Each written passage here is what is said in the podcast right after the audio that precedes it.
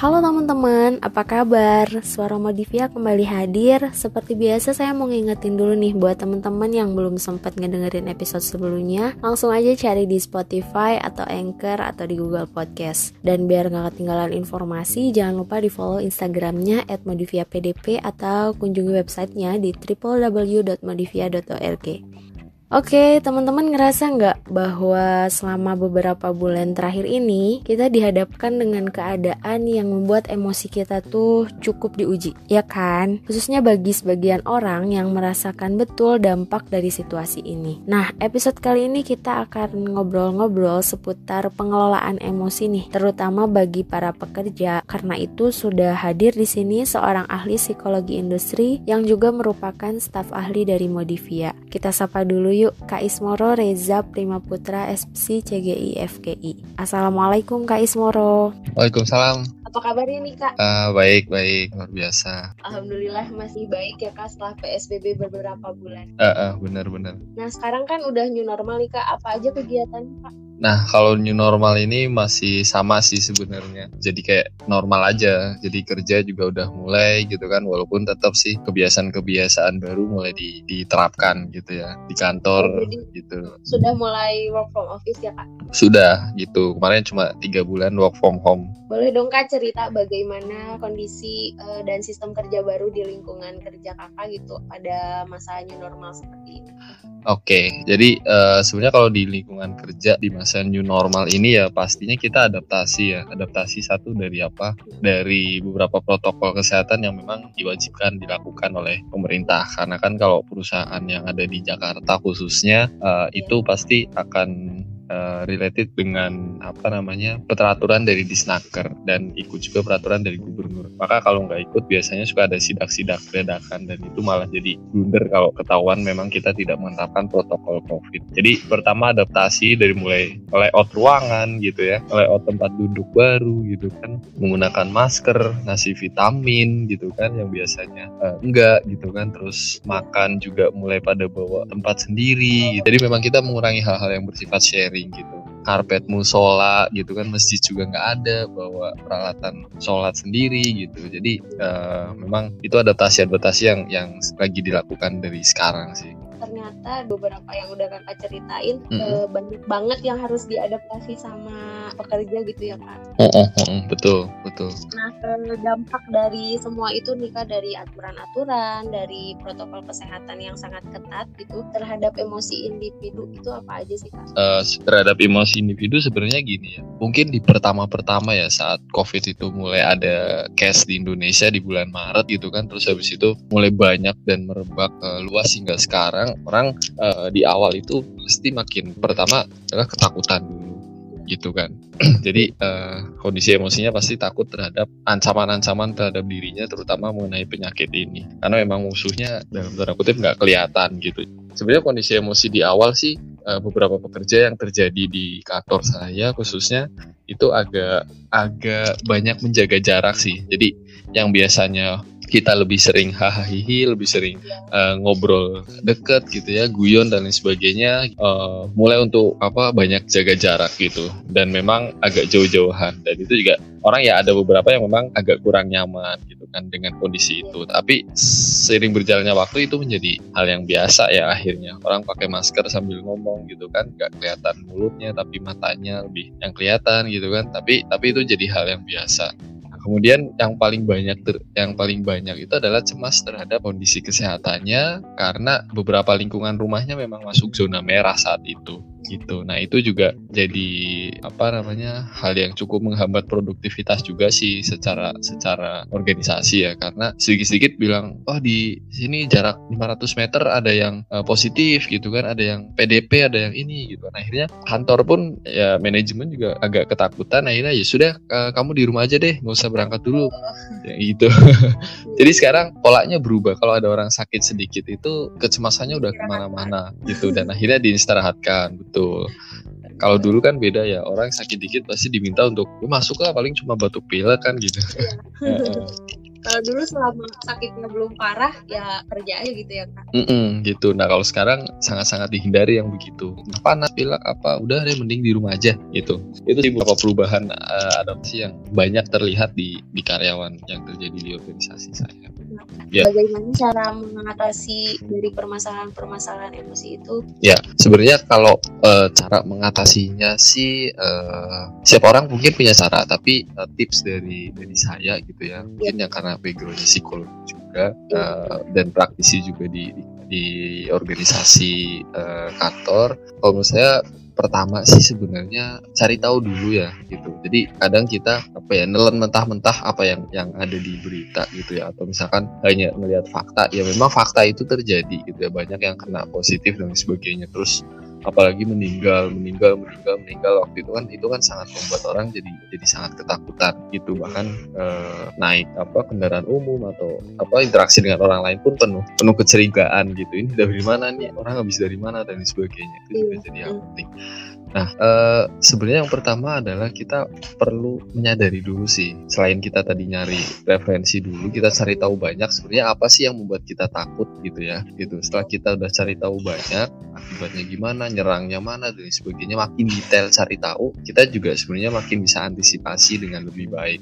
Nah, yang pertama setelah itu setelah didapat kita harus bisa uh, menyadari dulu yeah. bahwa diri kita cemas gitu ya atau diri kita merasa takut terhadap situasi itu itu juga jadi hal penting kalau kita bisa menyadari emosi kita saat itu. Ketika memang ya tuntutan aktivitasnya kita harus keluar rumah gitu ya dan itu nggak bisa dielakkan karena kita juga harus nyari uang di situ gitu ya untuk hidup ke depan gitu. Dan itu juga uh, apa namanya jadi tuntutan yang nggak bisa di ya nggak ada pilihan lain gitu. Nah kita perlu menyadari pelan-pelan ketika kita memang melihat ada interaksi yang memang harus dilakukan oleh kita kita sadar dulu gitu. Kenali deh perasaan kita sendiri. Perasaan kita itu sebenarnya apa sih ketika kita bertemu dengan orang lain gitu dalam situasi covid ya waktu itu. Nah kira-kira gimana gitu? Apakah kita merasa sedih merasa merasa cemas merasa apa? E, banyak bicara dengan hati kita dengan diri kita dulu. Apa yang kita rasakan gitu? Sebenarnya yang pertama itu itu sih. Kita bisa bisa menyadari dulu pikiran kita atau perasaan kita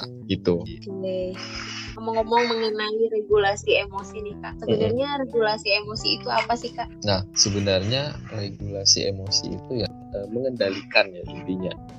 jadi uh, managing gitu ya, managing emosi kita atau mengendalikan gejolak dalam jiwa kita sehingga yeah. perilaku kita selaras dengan apa yang kita rasakan atau apa yang kita alami saat itu. Jadi mengendalikan itu tentu beda dengan menahan, menyembunyikan atau bahkan menyangkal gitu ya. Itu itu jelas jauh berbeda gitu. Jadi regulasi emosi itu kita bagaimana bisa sih mengendalikan diri kita, perilaku kita sesuai dengan emosi yang kita rasakan tuh. Jangan sampai kita perilakunya apa, emosinya apa. Jadi contohnya kalau misalkan uh, kita lagi merasa lapar gitu ya, misal gitu, terjadi adalah uh, fisik kita lapar gitu. Jadi kita pengen banget makan apalah ya A gitu ya, pengen banget makan sesuatu yang yang enak bagi kita gitu. Tapi perilaku kita malah update status misalnya itu kan banyak ya.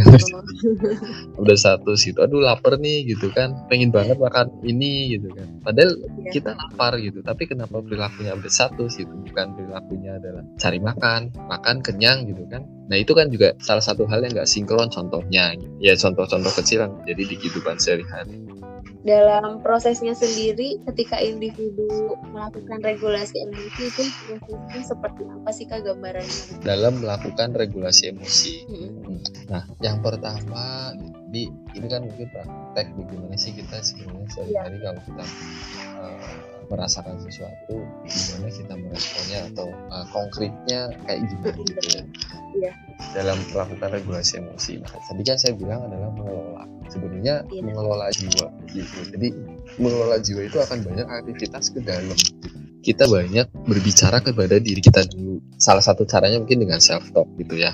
Itu juga bisa gitu. Jadi uh, karena kita mengelola apa yang ada dalam diri kita gitu bukan mengelola orang lain kalau kita kayak bekerja itu kan sebenarnya kita mengelola pekerjaan pekerjaan kan berarti udah udah uh, berhubungan dengan orang lain iya. maka beda gitu kan yang harus dihadapi dulu yang pertama ini adalah mengelola diri. Nah, kalau mengelola diri maka kita banyak melakukan uh, bicara ke dalam. Itu bicara ke dalam bukan berarti hanya self talk. Self talk boleh salah satu cara gitu, tapi kita juga bisa dilakukan dengan cara mungkin mindfulness juga bisa. Yang tadi saya bilang ada tarik nafas gitu ya, dari pikiran kita, perasaan kita saat ini gitu kan. Uh, buang jauh-jauh pikiran masa depan gitu ya atau sejarah atau masa lalu gitu ya. Tapi benar-benar di sini dan dan sekarang gitu. Nah itu kan juga harus bisa dilakukan. Itu juga jadi salah satu hal penting sebelum kita turun ke perilaku yeah. ya kan. Outputnya dari bicara ke dalam kita kenal. Sebenarnya aku tuh sedang merasakan apa sih secara emosi gitu. Karena emosi itu kan macam-macam ya. Ada marah senang sedih gitu kan. Itu juga emosi gitu. Aku merasakan apa di situ nah sampai ketemu itu gitu kan habis itu baru kita masuk ke area pikiran gitu. Terus apa yang akan aku lakukan dengan emosi yang aku rasakan ini gitu. Aku mau melakukan apa sih gitu. mau melakukan eh, apa misal aku lagi lagi sedih apakah aku akan menangis atau aku mau diem saja atau aku mau update status gitu kan atau aku mau main TikTok gitu kan kan bisa beda-beda ya Nah itu habis itu kita bicara tentang itu. Nah kalau makin selaras antara emosi uh, yang kita rasakan, kemudian pikiran kita, gitu, kemudian perilaku kita itu malah makin sehat. Jadi kita benar-benar tidak menutupi sebenarnya apa yang sebenarnya kita rasakan. Makanya kenapa regulasi emosi itu adalah bagaimana kita mengendalikan emosi, bukan menyembunyikan, menyangkal gitu kan, ataupun uh, menahan gitu. Nah kalau kayak tadi contohnya uh, kita lagi sedih, kalau memang kita merasa harus nangis, harus meluk seseorang yang kita sayang, boleh gitu kan ungkapin saja dan memang itu respon yang wajar ketika memang saya merasa sedih ketika ada kejadian yang memang menimpa saya misalkan.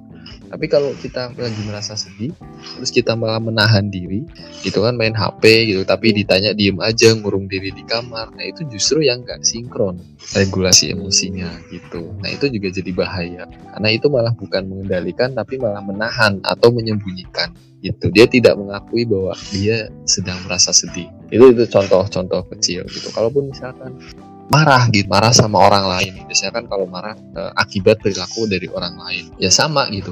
Kita juga nggak bisa nahan atau nyembunyiin tapi perlu dikelola gitu. Kalau memang kamu merasa kecewa gitu atau kita merasa kecewa terhadap perilaku orang lain kita boleh loh menyampaikan. Kita punya hak untuk menyampaikan sebenarnya emosi kita pendapat kita. Misal eh aku marah loh aku kecewa dengan perilaku kamu yang A B C D. Nah itu kita bisa bisa bilang itu. Nah kemudian kita akan dapat respon dari dari orang lain itu atau dari uh, lawan bicara kita. Apa responnya gitu? Tapi respon itu sebenarnya adalah di luar tanggung jawab kita yang bisa kita yang tanggung jawab utama kita yang pertama adalah terhadap diri kita sendiri. Kalau memang kita marah terhadap yang bersangkutan kecewa terhadap perilakunya ya kita harus bertanggung jawab untuk bisa menyampaikan itu. Ya nanti caranya kan bisa macam-macam. Nggak harus dengan marah-marah gebrak meja yeah. gitu ya atau dengan melempar kaca melempar botol gitu kan kan nggak bisa dengan cara yang halus tapi dengan sopan tapi intinya adalah kita menyampaikan kenapa kita bahwa kita kecewa itu juga bisa Tadi udah dibahas bagaimana proses dan definisi dari regulasi emosi gitu. Seberapa penting regulasi emosi itu dibutuhkan dalam pekerjaan gitu kak di era new normal seperti? Bahkan mungkin sebelum era new normal juga sebenarnya sangat penting juga. Penting sih. juga ya. Uh, kecerdasan emosional itu juga jadi hal penting selain intelektual gitu ya karena yeah. itu akan banyak mempengaruhi bagaimana kita berrelasi dengan orang lain di dalam suatu pekerjaan di dalam organisasi orang lain itu bukan hanya sebatas kolega atau atau um, staff yang sama gitu ya atau jabatan yang sama tapi dengan atasan dengan bawahan lah nanti gitu kan dengan yang yeah. atas lagi dan sebagainya kita juga harus bisa belajar menghadapi mereka gitu menghadapi dalam artian bukan berarti bertarung ya dalam tanda kutip gitu yeah. tapi bagaimana kita bisa menyeimbangkan uh, pola bicara pola interaksi dengan mereka kutu mereka gitu ya dan sebagainya. Itu sangat penting gitu. Sangat pentingnya apa? Karena kita hidup di dalam sebuah tatanan sosial yang memang tidak pernah bisa dilepaskan dari manusia karena manusia adalah makhluk sosial. Jadi kita akan banyak interaksi dengan orang kita nggak mungkin bisa hidup sendiri. Interaksi dengan orang butuh apa? Butuh kecerdasan emosional. Untuk apa? Gitu kan. Untuk bisa saling mengenal satu sama lain gitu. Karena kalau kita bicara kecerdasan emosional tapi kita sendiri masih merasa ingin selalu dihargai ingin selalu di, uh, disanjung terlebih dahulu gitu kan. Ya itu bukan kecerdasan emosional gitu. Tapi itu malah jadi memperkeruh keadaan nanti. Karena akhirnya kita merasa posisi kita selalu lebih tinggi daripada mereka. Itu juga nggak bisa gitu. Jadi sangat penting regulasi emosi agar kita juga bisa apa bisa berinteraksi dengan lawan bicara itu dengan dengan baik gitu entah kita bisa masuk ke dalam bahasa mereka bahasa orang-orang level operator misalkan itu tentu berbeda dengan bahasa orang-orang level manajemen misalkan atau level manager gitu ya atau level direktur gitu pasti beda Nah, bagaimana kita bisa mengimbangi mereka ketika kita diajak bicara? Nah, itu jadi hal penting gitu. Jangan sampai ketika kita diajak bicara oleh manajer atau direktur gitu kan, kita tidak bisa memposisikan diri kita juga juga apa ya uh, mendengarkan dia gitu. Tapi kita seolah-olah uh, menjadi lebih lebih tinggi daripada mereka itu juga bisa gitu. Karena outputnya adalah kita harus bisa saling kenal. Makanya kenapa orang yang bisa meregulasi emosi pasti orang ciri-cirinya akan lebih banyak mampu mendengarkan lebih banyak membangun kepercayaan satu sama lain, membangun tim, apalagi kerja gitu kan sekarang dalam bekerja nggak bisa kita berdiri sendiri dalam artian kita menjadi Superman gitu ya itu kan nggak bisa. Lebih baik menjadi super tim daripada Superman karena kalau kita udah punya tim yang super maka segala segala rintangan atau segala jenis pekerjaan pasti bisa dilewati karena banyak backup dari tim-tim yang lain. Nah untuk bisa mencapai kepercayaan dalam tim kita perlu banyak berinteraksi dan membangun kepercayaan ya. Kalau kita nggak bisa meregulasi emosi kita atau kecerdasan emosional kita jelek ya kita malah jadi nggak bisa harmonis dalam tim gak akan terjadi yang namanya kerjasama e, itu menentukan juga bagaimana kita bisa berkarir juga dalam suatu perusahaan jadi lebih berdampak terhadap perilaku sosial kita terhadap orang lain gitu ya kak. Nah mungkin ada pesan-pesan kak? Hmm, pesan-pesan ya sebenarnya gini sih situasinya memang uh, sedang mengancam ya yeah. Uh, mengancam dari segi apa pun dalam diri manusia gitu ya dari segi ekonomi terutama dari segi sosial dari segi politik dari segi apa pun itu memang lagi mengancam COVID-19 ini betul, betul. gitu nah emosi itu muncul karena memang salah satu fungsinya untuk defense mechanism untuk pertahanan diri manusia. Itu misi sekarang lagi COVID ini itu adalah kondisi yang mengancam maka regulasi emosi ini menjadi skill yang penting. Karena kita akan selalu dituntut untuk bisa survive dalam hidup ini. Survive baik dari segi ekonomi dari segi psikologis dari segi sosial dan sebagainya. Nah karena situasinya memang sudah tidak bisa dihalau tidak bisa kita telahkan tidak bisa juga kita tendang ulang atau kita kickback gitu ya. Itu hanya bisa kita adaptasi dengan situasi ini. Maka yang terpenting bagi kita adalah jangan sampai kita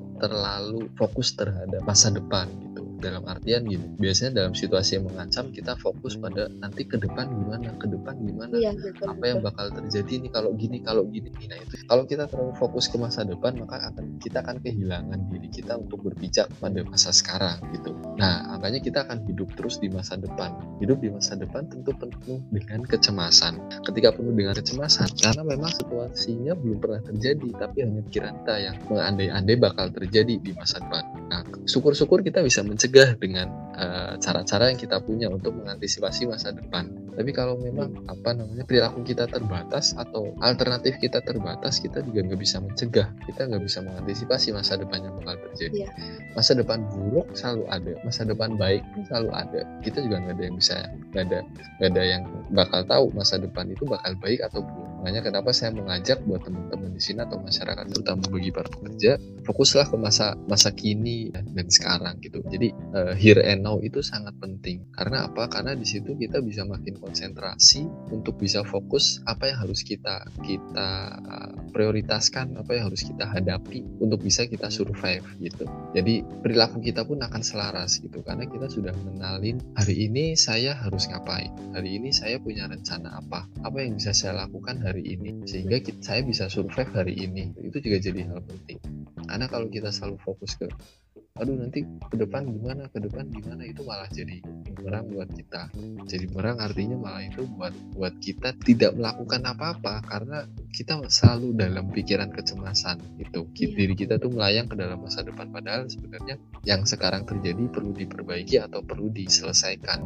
Kalau memang harus yeah. naik KRL misalkan sudah fokus naik KRL gitu kan. Protokol kesehatannya selalu di, di ditegakkan gitu kan dilaksanakan pakai masker mungkin jaga jarak gitu jadi fokus aja memang apa yang terjadi sekarang sadari diri kita menyadari emosi menyadari nafas selain itu jangan juga kita uh, merasa bahwa ini adalah hasil kutukan masa lalu misalkan atau kita hmm. terlalu banyak uh, berdiri di masa lalu itu juga nggak baik. Kalau tadi kita bicara tentang terlalu banyak berdiri di masa depan, akhirnya kita tidak melakukan apa-apa itu juga bahaya.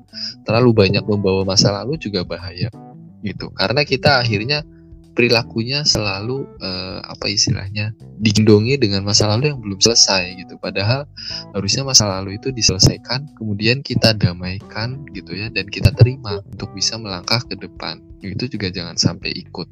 Ya artinya apa? Kalau memang kita uh, punya masalah-masalah, punya eh, hal-hal uh, yang mengganjal secara pribadi dan orang lain dalam hal dalam waktu lalu gitu ya, itu juga harus segera diselesaikan. Karena itu akan menghambat kita untuk berperilaku atau untuk menyadari di sini dan sekarang. Jadi kita harus punya spare waktu 10-15 menit setiap hari untuk bicara dengan diri kita, untuk hening sejenak terhadap situasi saat ini yang sedang saya hadapi, ya, untuk mengenal emosi kita, untuk mengenal perasaan kita. Itu kurang lebih sih uh, itu ya pesan-pesannya. Ya mungkin ini akhir dari podcast kita kali ini. Terima kasih untuk Kak Ismoro yang sudah berkenan berbagi ilmu dan meluangkan waktunya. Sama-sama.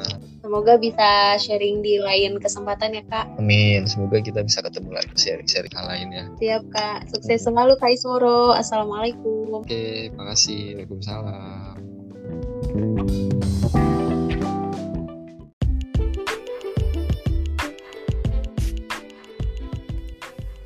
Terima kasih juga buat teman-teman yang udah setia mendengarkan episode kali ini. Semoga bermanfaat. Jangan lupa di-share dan sampai jumpa di segmen selanjutnya. Saya Andiani Nanda pamit undur diri. Bye. Make a step, build the self.